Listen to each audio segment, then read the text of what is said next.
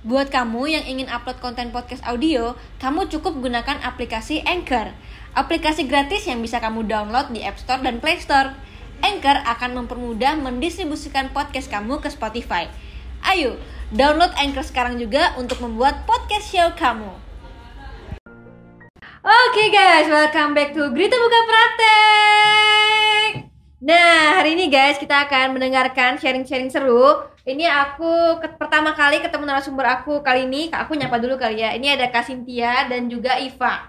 Halo. Halo Shiva. Hai. Uh, jadi teman-teman, uh, aku pengen uh, bahas sedikit. Jadi yang pertama kali ketemu Iva sama Kak Cynthia itu pertama kali waktu aku ke Bandung Selatan lagi ada acara Save the Children uh, untuk ngajarin uh, anak-anak disabilitas. Nah, aku pikir uh, Shiva ini uh, adalah salah satu orang yang ngajarin disabilitas. Jadi waktu lihat Iva tuh dia lagi ngajarin uh, anak disabilitas ngelukis. Tapi ternyata Iva ini adalah uh, juga disabilitas ya, Teman disabilitas. teman dis- disabilitas dan dia Iya. adalah kakaknya uh, Kak Cynthia yang akan bantu nge-translate juga ya. Iya. Thank you banget udah datang ke sini. Ya, terima kasih Iva. juga.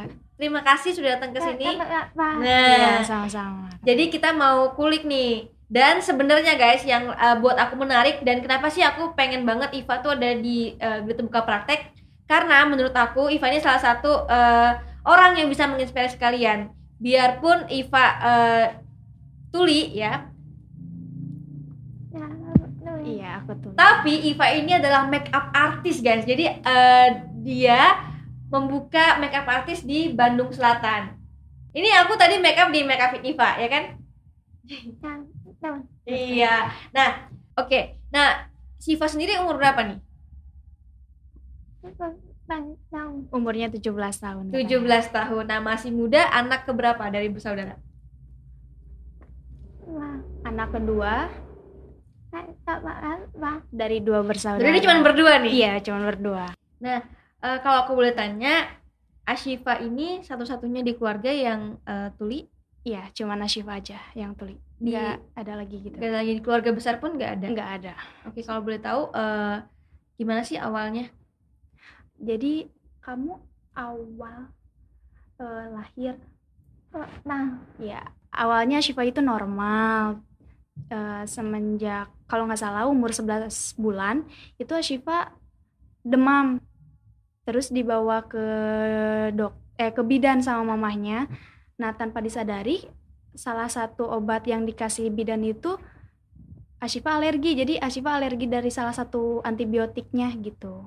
Oh, jadi waktu umur 11 bulan dibawa ke bidan, demam terus dibawa ke bidan Iya. dikasih obat. Ya dan ternyata Ashifa ada alergi Alergi. sama obat tersebut. iya gitu. Setelah itu, Setelah itu demamnya itu turun drastis. Heeh. Sampai menggigil sampai biru-biru. Nah dari situ tuh sembuh. Dikira nggak akan ada apa-apa, tapi ternyata eh, setelah sembuh itu responnya kurang. Terus motorik kasarnya juga terganggu sampai yang kalau nggak salah sebelah kiri itu nggak eh, gimana ya kakinya tuh kayak bengkok gitu. Terus susah digerakin aja gitu. Oke, nah tahu penyebabnya bahwa itu karena alergi obat dari mana? Pas gak ada respon, terus eh, konsultasi gitu kan ke dokter dan ternyata katanya oh iya Ashifa itu alergi dari obat ini gitu dari antibiotik itu Oke. gitu Dan waktu didiagnosis sama dokter di umur berapa, Kak? 11 bulanan itu 11 bulan langsung. iya langsung konsultasi gitu Hmm. soalnya kan nggak ada respon sama sekali dan ternyata ya Ashifa didiagnosa tuli tuli tulinya tuli berat Langsung tuli berat. iya Oke, tuli berat ini pendengarannya di atas 90 desibel ya. Iya betul. Jadi pas dipanggil gitu, asalnya tuh udah bisa ngomong gitu, babbling babbling gitu kan, kayak mama mama gitu. Nah setelah kejadian eh Ashifa demam itu, nggak ada respon, kayak dipanggil aja dia nggak nengok gitu. Terus ya pokoknya dipanggil nggak nengok. Terus kayak mama tuh coba pakai mangkok di eh, apa sih disuarain gitu, nggak respon sama sekali Ashifanya gitu. Nah dari situ ini anak kenapa ya? gitu. Eh, takut terjadi ya maksudnya takut eh, ada apa sama Mama Ashifanya. Nah baru aja dibawa lagi ke dokter. Pas dibawa ke dokter tuh eh, ke dokter THT ternyata Syifa itu tuli pas dicek itu. Terus pas bilang sama keluarga tuh kaget loh kok bisa? Ternyata eh, salah bawa anak ke dokter juga bisa berakibat fatal gitu. Soalnya kan mama itu bawanya ke bidan bukan ke dokter anak gitu. Terus dari situ bingung juga harus ngapain. Terus mama tuh eh, karena kan motorik kasarnya juga kena mama tuh cari eh, terapinya di mana gitu. Pas nyari ada tuh di daerah mana ya? Kalau nggak salah di daerah Bandung juga mama tuh eh, bawa Syifa terapi buat jalannya soalnya kan nggak bisa jalan tuh alhamdulillah setelah beberapa kali terapi Syifa bisa jalan tapi eh, pendengarannya masih tetap gitu Hmm. Jadi waktu itu kena dari eh, pendengaran sama dari motorik. iya Jadi motorik kasar karenanya susah jalan ya, bengkok gitu ya. iya kakinya bengkok jadi susah jalan Tapi sekarang enggak kan? sekarang enggak setelah Oh. terapi tersebut Ya waktu pertama kan pasti kan sifanya eh, bingung ya waktu per- mungkin waktu kecil gitu. Mungkin kok aku beda sama yang lain gitu. Pernah nggak sih? iya aku bingung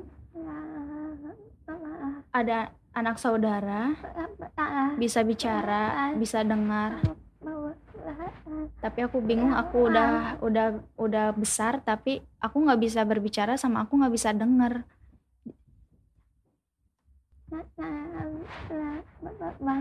jadi aku bilang sama mama kenapa aku tuli? Mungkin mungkin maksudnya waktu kecil tuh dia langsung nanya kenapa aku nggak bisa denger gak bisa ngomong? Sedangkan eh, anak saudara gitu yang masih kecil dia udah ngomong udah denger juga katanya dia nanya seperti itu.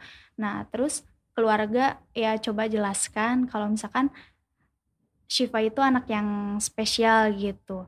Jadi dia nggak eh, kamu tuh anak spesial.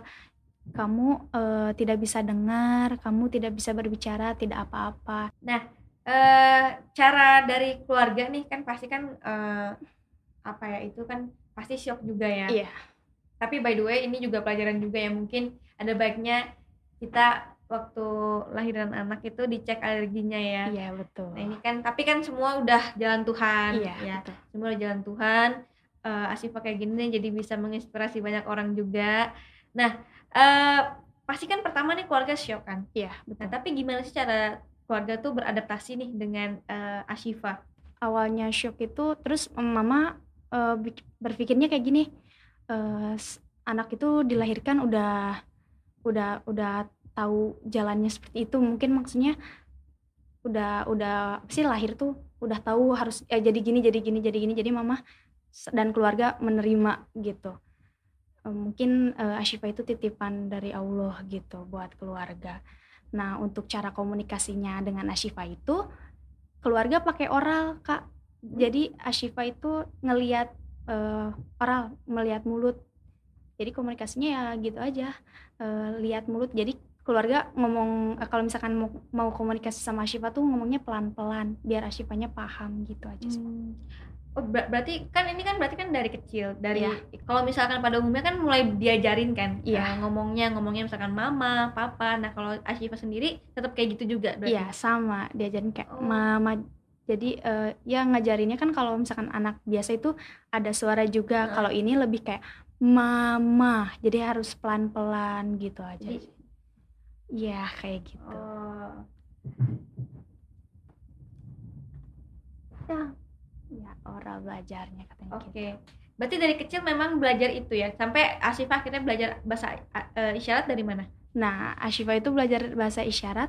Kamu belajar bahasa isyarat dari mana?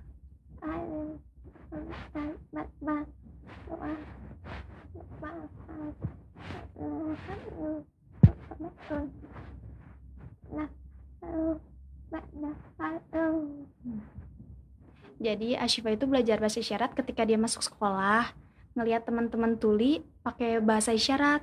Aku tuh nggak ngerti apa ya, katanya gitu.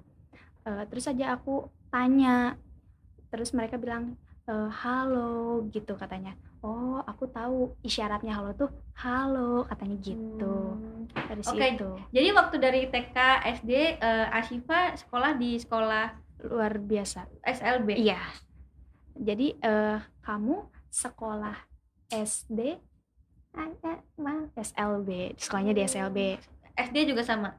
Eh, TK sama SD SLB Heeh. Eh, pas eh, SMP-nya dia nyoba di SMP umum Kenapa? Kok mau coba di SMP umum?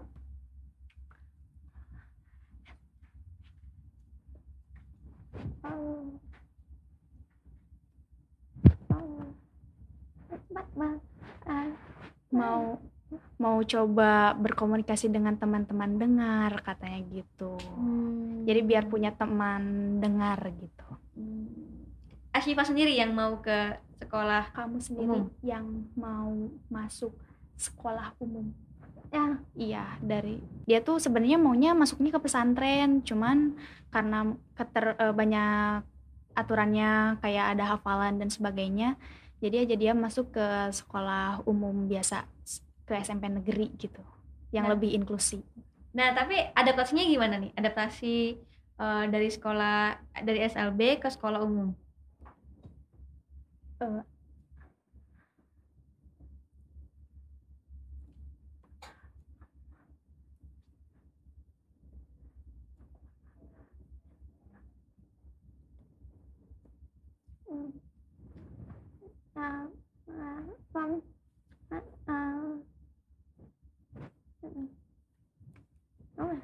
Aku bantu jelasin aja ya nah pertamanya tuh didampingi sama saudara Mm. Nah, jadi ada saudara yang emang seumuran sama Ashifa. Jadi kita barengin di sekolah umum itu. eh jadi satu bangku lah gitu. Jadi kalau misalkan ada materi yang Ashifa nggak paham bisa nanya ke saudaranya. Soalnya kan kalau sama saudara mungkin nggak akan terlalu kaku gitu. Oh, awalnya didampingi, Iya, tapi lama-lama bisa sendiri. Awalnya didampingi, terus eh, menurut Ashifa itu pas didampingi itu eh pendampingnya itu malah jadi gimana ya? eh ngasih tahu ke teman-teman yang lain tuh kayak udah jangan temenan sama Oh, Ashifa gini gimana gini sih? gini. Nah, jadi kayak nggak bener gitu Hmm. ngedampinginnya. Terus dia bilang dia nyam, lebih nyaman tanpa didampingi sama saudaranya. Gitu. Hmm, jadi lebih nyaman sendiri lah ya. Ya, akhirnya saudaranya dipindahin, dia eh, di sekolah umum sendiri gitu. Nah, dari Mbak Cynthia sendiri kan belajar bahasa isyarat. Ya, betul. Eh, sejak kapan belajar bahasa isyarat? Kalau aku belajar bahasa isyarat sejak tahu Ashifa eh, Ashifa tahu bahasa isyarat, Mhm. nah aku mulai belajar dari situ. Terus di tempat kuliah di jurusan aku juga ada mata kuliahnya gitu. Jurusan apa? Pendidikan khusus Oh, jadi memang mendedikasikan hidupnya untuk pendidikan ya? Sama untuk Ashifa juga. Hmm. Jadi eh, seenggaknya di eh, apa sih ilmu-ilmu yang saya dapat bisa langsung diimplementasikan ke Ashifa gitu. ada kesulitan nggak waktu pertama kali eh, komunikasi pakai bahasa isyarat sama Ashifa? ada sih kesulitan kayak kan eh, cuman beda gerakan dikit juga kan artinya udah beda Mm. gitu jadi ya agak susah sih per- awal-awal terus tangan kaku jadi takut gitu buat eh, apa sih isyaratnya terus suka jadi pelan-pelan terus suka salah-salah gitu aja sih Oke, nah ini tapi ada yang menarik karena kenapa Ashifa eh, ke sini pasti kan ada sesuatu yang bisa kita angkat nih. Ashifa ini eh, walaupun tuli tapi dia ini berbakat banget guys. Jadi dia ini suka banget sama make up dan eh, apa sih yang bikin Ashifa suka sama make up?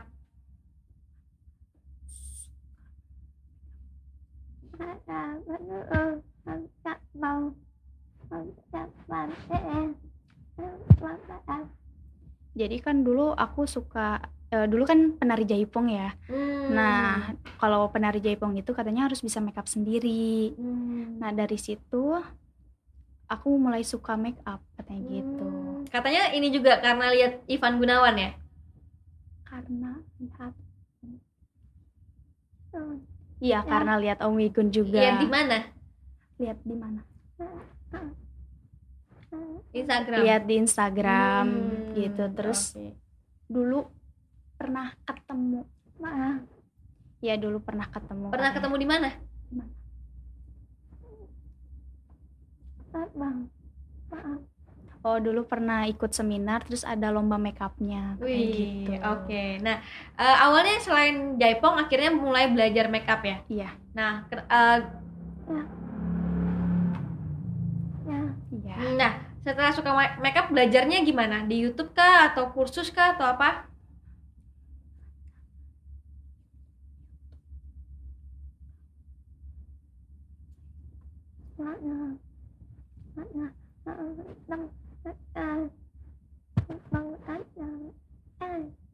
Kalau di YouTube suka nggak jelas karena mungkin ada beberapa yang nggak ada subtitlenya.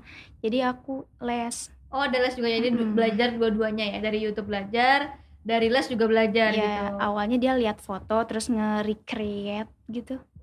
Jadi lihat foto terus eh, dia buat sesuai dengan foto itu. Heeh. Terus aja mama ngelihat eh, gimana kalau misalkan cari guru aja, guru Hmm. les. Awalnya ada MUA yang mau ngajarin Hmm. sampai eh, dia tahu dasar-dasarnya.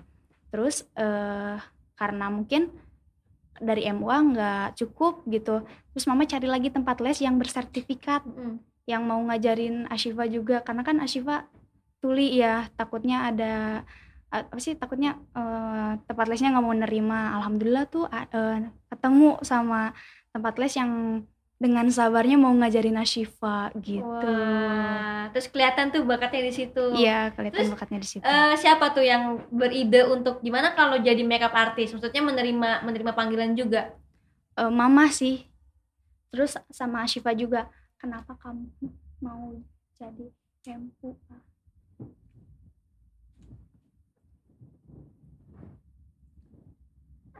lah MUA katanya karena kalau jadi MUA tidak banyak bicara Ya. katanya jadi gampang kerjanya Menggunakan ini ya, tangan ya.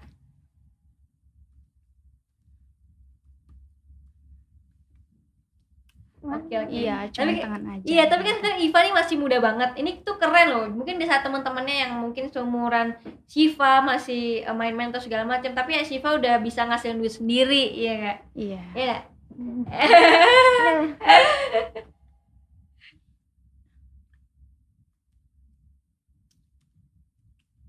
Iya betul gitu Berapa sih biasanya? Sekali makeup berapa? jadi kalau Ashifa itu belum ke make up pengantin kak Heeh, masih yang ini ya. masih yang kayak apa sih buat keundangan yang gitu-gitu lumayan. kalau pengantin lebih ke ngeasistenin aja dulu gitu Tapi udah pernah asisten pengantin? iya Wah, pernah. lumayan juga dong. lumayan Jadi berapa? Ya. Jadi berapa?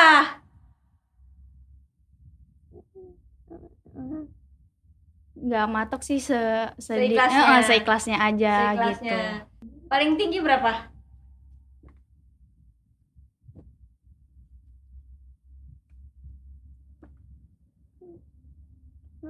Dua ratus ribu katanya Wih, tapi bagus.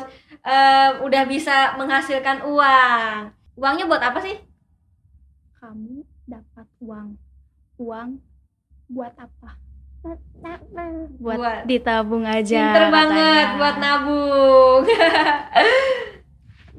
terima kasih katanya bagus tuh udah bisa nabung, tapi sebenarnya wajar-wajar aja sih kalau misalnya kita nih dengan gaji pertama kita itu kita eh, pakai buat sesuatu yang baik kayak misalkan kumpul keluarga itu kan pasti ada rasa bangga tersendiri nih gue bisa menghasilkan duit pertama gue tapi nextnya kalau bisa ditabung juga dan coba investasi. Jangan yang bodong harus yang aman apalagi buat pemula kayak kita ini investasi reksadana di bibit aja. Karena sekarang udah aman dan terdaftar di OJK sekarang juga lagi ada promo cashback 40.000 sampai tanggal 31 Oktober 2021 tinggal buka rekening jago dan beli reksadana di bibit. Yuk kalau mau investasi di bibit aja. Oke lanjut. Nah tadi udah dapat uang. Uangnya buat ditabung. Emang kalau udah kekumpul mau buat apa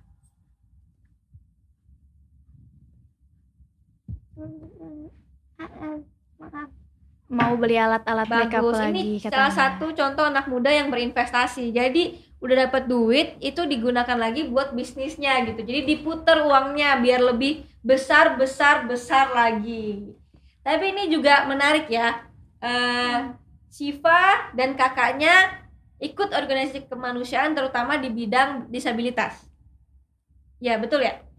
Iya, Ya, betul. Iya, betul. Oke. Kak. Ini yang menariknya Asifa dan kakaknya juga ikut tergabung menjadi volunteer untuk teman-teman disabilitas. Iya. Kenapa nih eh, memutuskan untuk menjadi volunteer? Kenapa kamu mau jadi volunteer?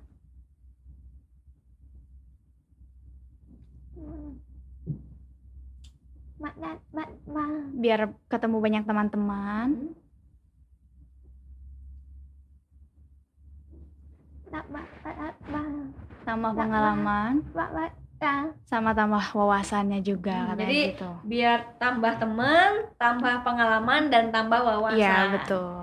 Sekarang umur 17 berarti kelas 2 SMA ya? Kamu 17 tahun, Ya. kelas 2 Mak ya mak. eh, kelas 2 SMA. Di sekolah umum berarti sekarang? Enggak, dia pindah ke sekolah SLB lagi. Kenapa? Kenapa kamu pindah SLB? Karena. Ah, teman-teman dengar suka bully aku katanya. Mak. Ah, Banyak teman-teman dengar suka ngetawain kalau aku nggak bisa dengar. Jadi aku mau pindah ke eh, sekolah ke SLB lagi aja katanya gitu. Hmm. Tapi Siva nggak apa-apa kan? Nggak kenapa-napa kan sekarang? Nggak apa-apa katanya. Baik-baik aja kan? Baik aja. Ya, baik-baik aja. Mantap, itu. Nggak boleh terpuruk ya, harus terus bangkit. Ini Siva udah keren banget loh, udah bisa. Ah, Enggak. Mantap. Sekarang Siva udah jadi makeup artis nih, walaupun masih ke kondangan atau ke mana, nanti nextnya bisa eh, makeup pengantin. Amin. Amin. Oke, kalau dari Asifa nih, apa sih yang pengen eh, Asifa hapus tentang stigma orang mengenai tuli? Iya, banyak. Jadi banyak teman tuli itu eh, kurang nyaman kalau dipanggil tunarungu.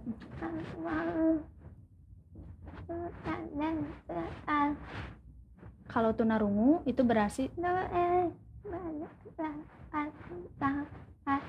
oh kalau misalkan tunarungu itu berarti rusak pendengaran. Kalau tuli itu eh, yang tidak bisa mendengar gitu. Mereka itu lebih nyaman dipanggil tuli dibanding dengan di- dipanggil tunarungu. Karena kan tunarungu itu istilah medis ya kak, yang berarti kayak adanya kerusakan gitu. Kalau misalkan tuli itu adalah sebuah identitas ke- eh, jadi kayak budayanya gitu. Yang ngebedain mereka tuh eh, apa sih? Mereka tuh sama-sama normal, cuman yang ngebedain cara mereka berkomunikasi. Nah, cara mereka berkomunikasi itu dengan bahasa isyarat gitu. Hmm. Mungkin ada lagi Ya. apa mungkin buat bukan cuma tuli ya, tapi orang eh, disabilitas mungkin karena kan kamu juga volunteer disabilitas.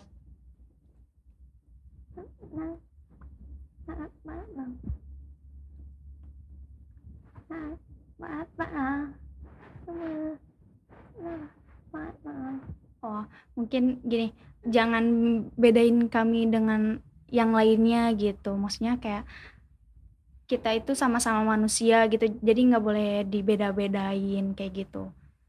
Soalnya menurut aku sih teman apa sih akses untuk teman-teman tuli itu masih terbatas ya kak. Seperti akses pendidikannya, akses lowongan pekerjaannya, dan akses mungkin kayak eh, tayangan di televisi itu kan masih terbatas karena nggak ada nggak ada teks. Nggak ada teks di Mm. TV terus kalau lowongan pekerjaan sering kali teman-teman tuli pas mau ngelamar gitu langsung ditolak mentah-mentah karena dia tuli gitu. Padahal kan menurut mereka kita juga bisa loh bekerja katanya gitu. Tapi ya langsung ditolak mentah-mentah gitu aja sih Iya. Dan kita juga berharap ya eh, mungkin stigma orang di eh, mungkin stigma orang untuk orang-orang disabilitas atau juga tuli juga eh, lebih apa ya lebih kita tuh sama gitu. Aku Iya. juga waktu itu ada ada eh, coffee shop yang bisa Iya. untuk eh, teman tuli juga atau teman-teman disabilitas. Jadi eh, kita berharap ke depannya akan lebih banyak orang-orang lagi yang yang melek, yang Iya, juga open minded gitu Nah, ya, dan juga mau memper- mem- mau memperkerjakan dan lebih dimudahkan. Iya. Kayak aku betul. YouTube-nya ada subtitle.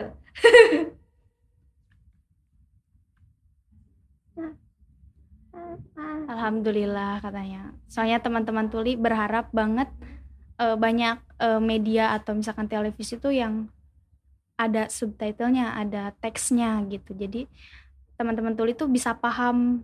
Pokoknya eh, kamu kan di sini berarti udah menginspirasi banyak orang.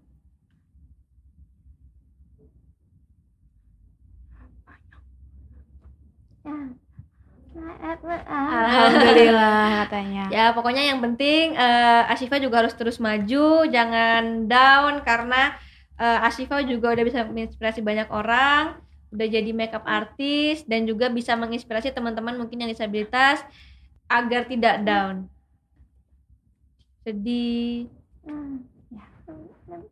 Aku harus tetap semangat katanya gitu. Bener. Oke. Oke, tapi pernah nggak Asifa kan eh, pernah jadi asisten atau mungkin ketemu orang baru? Ada nggak sih rasa deg-degan karena kan mungkin orang itu belum tahu nih Asifa eh, teman tuli gitu.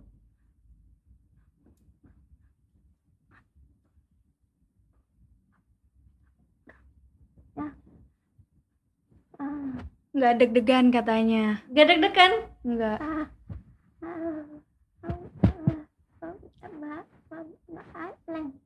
Aku deg-degannya malah waktu nge-makeupin Kak Grite karena kan Kak Grite artis katanya gitu. jadi ketemu orang baru nggak deg-degan ya? Maksudnya kayak eh, apa takutnya nggak? Enggak katanya. Mantap. Alhamdulillah udah enggak.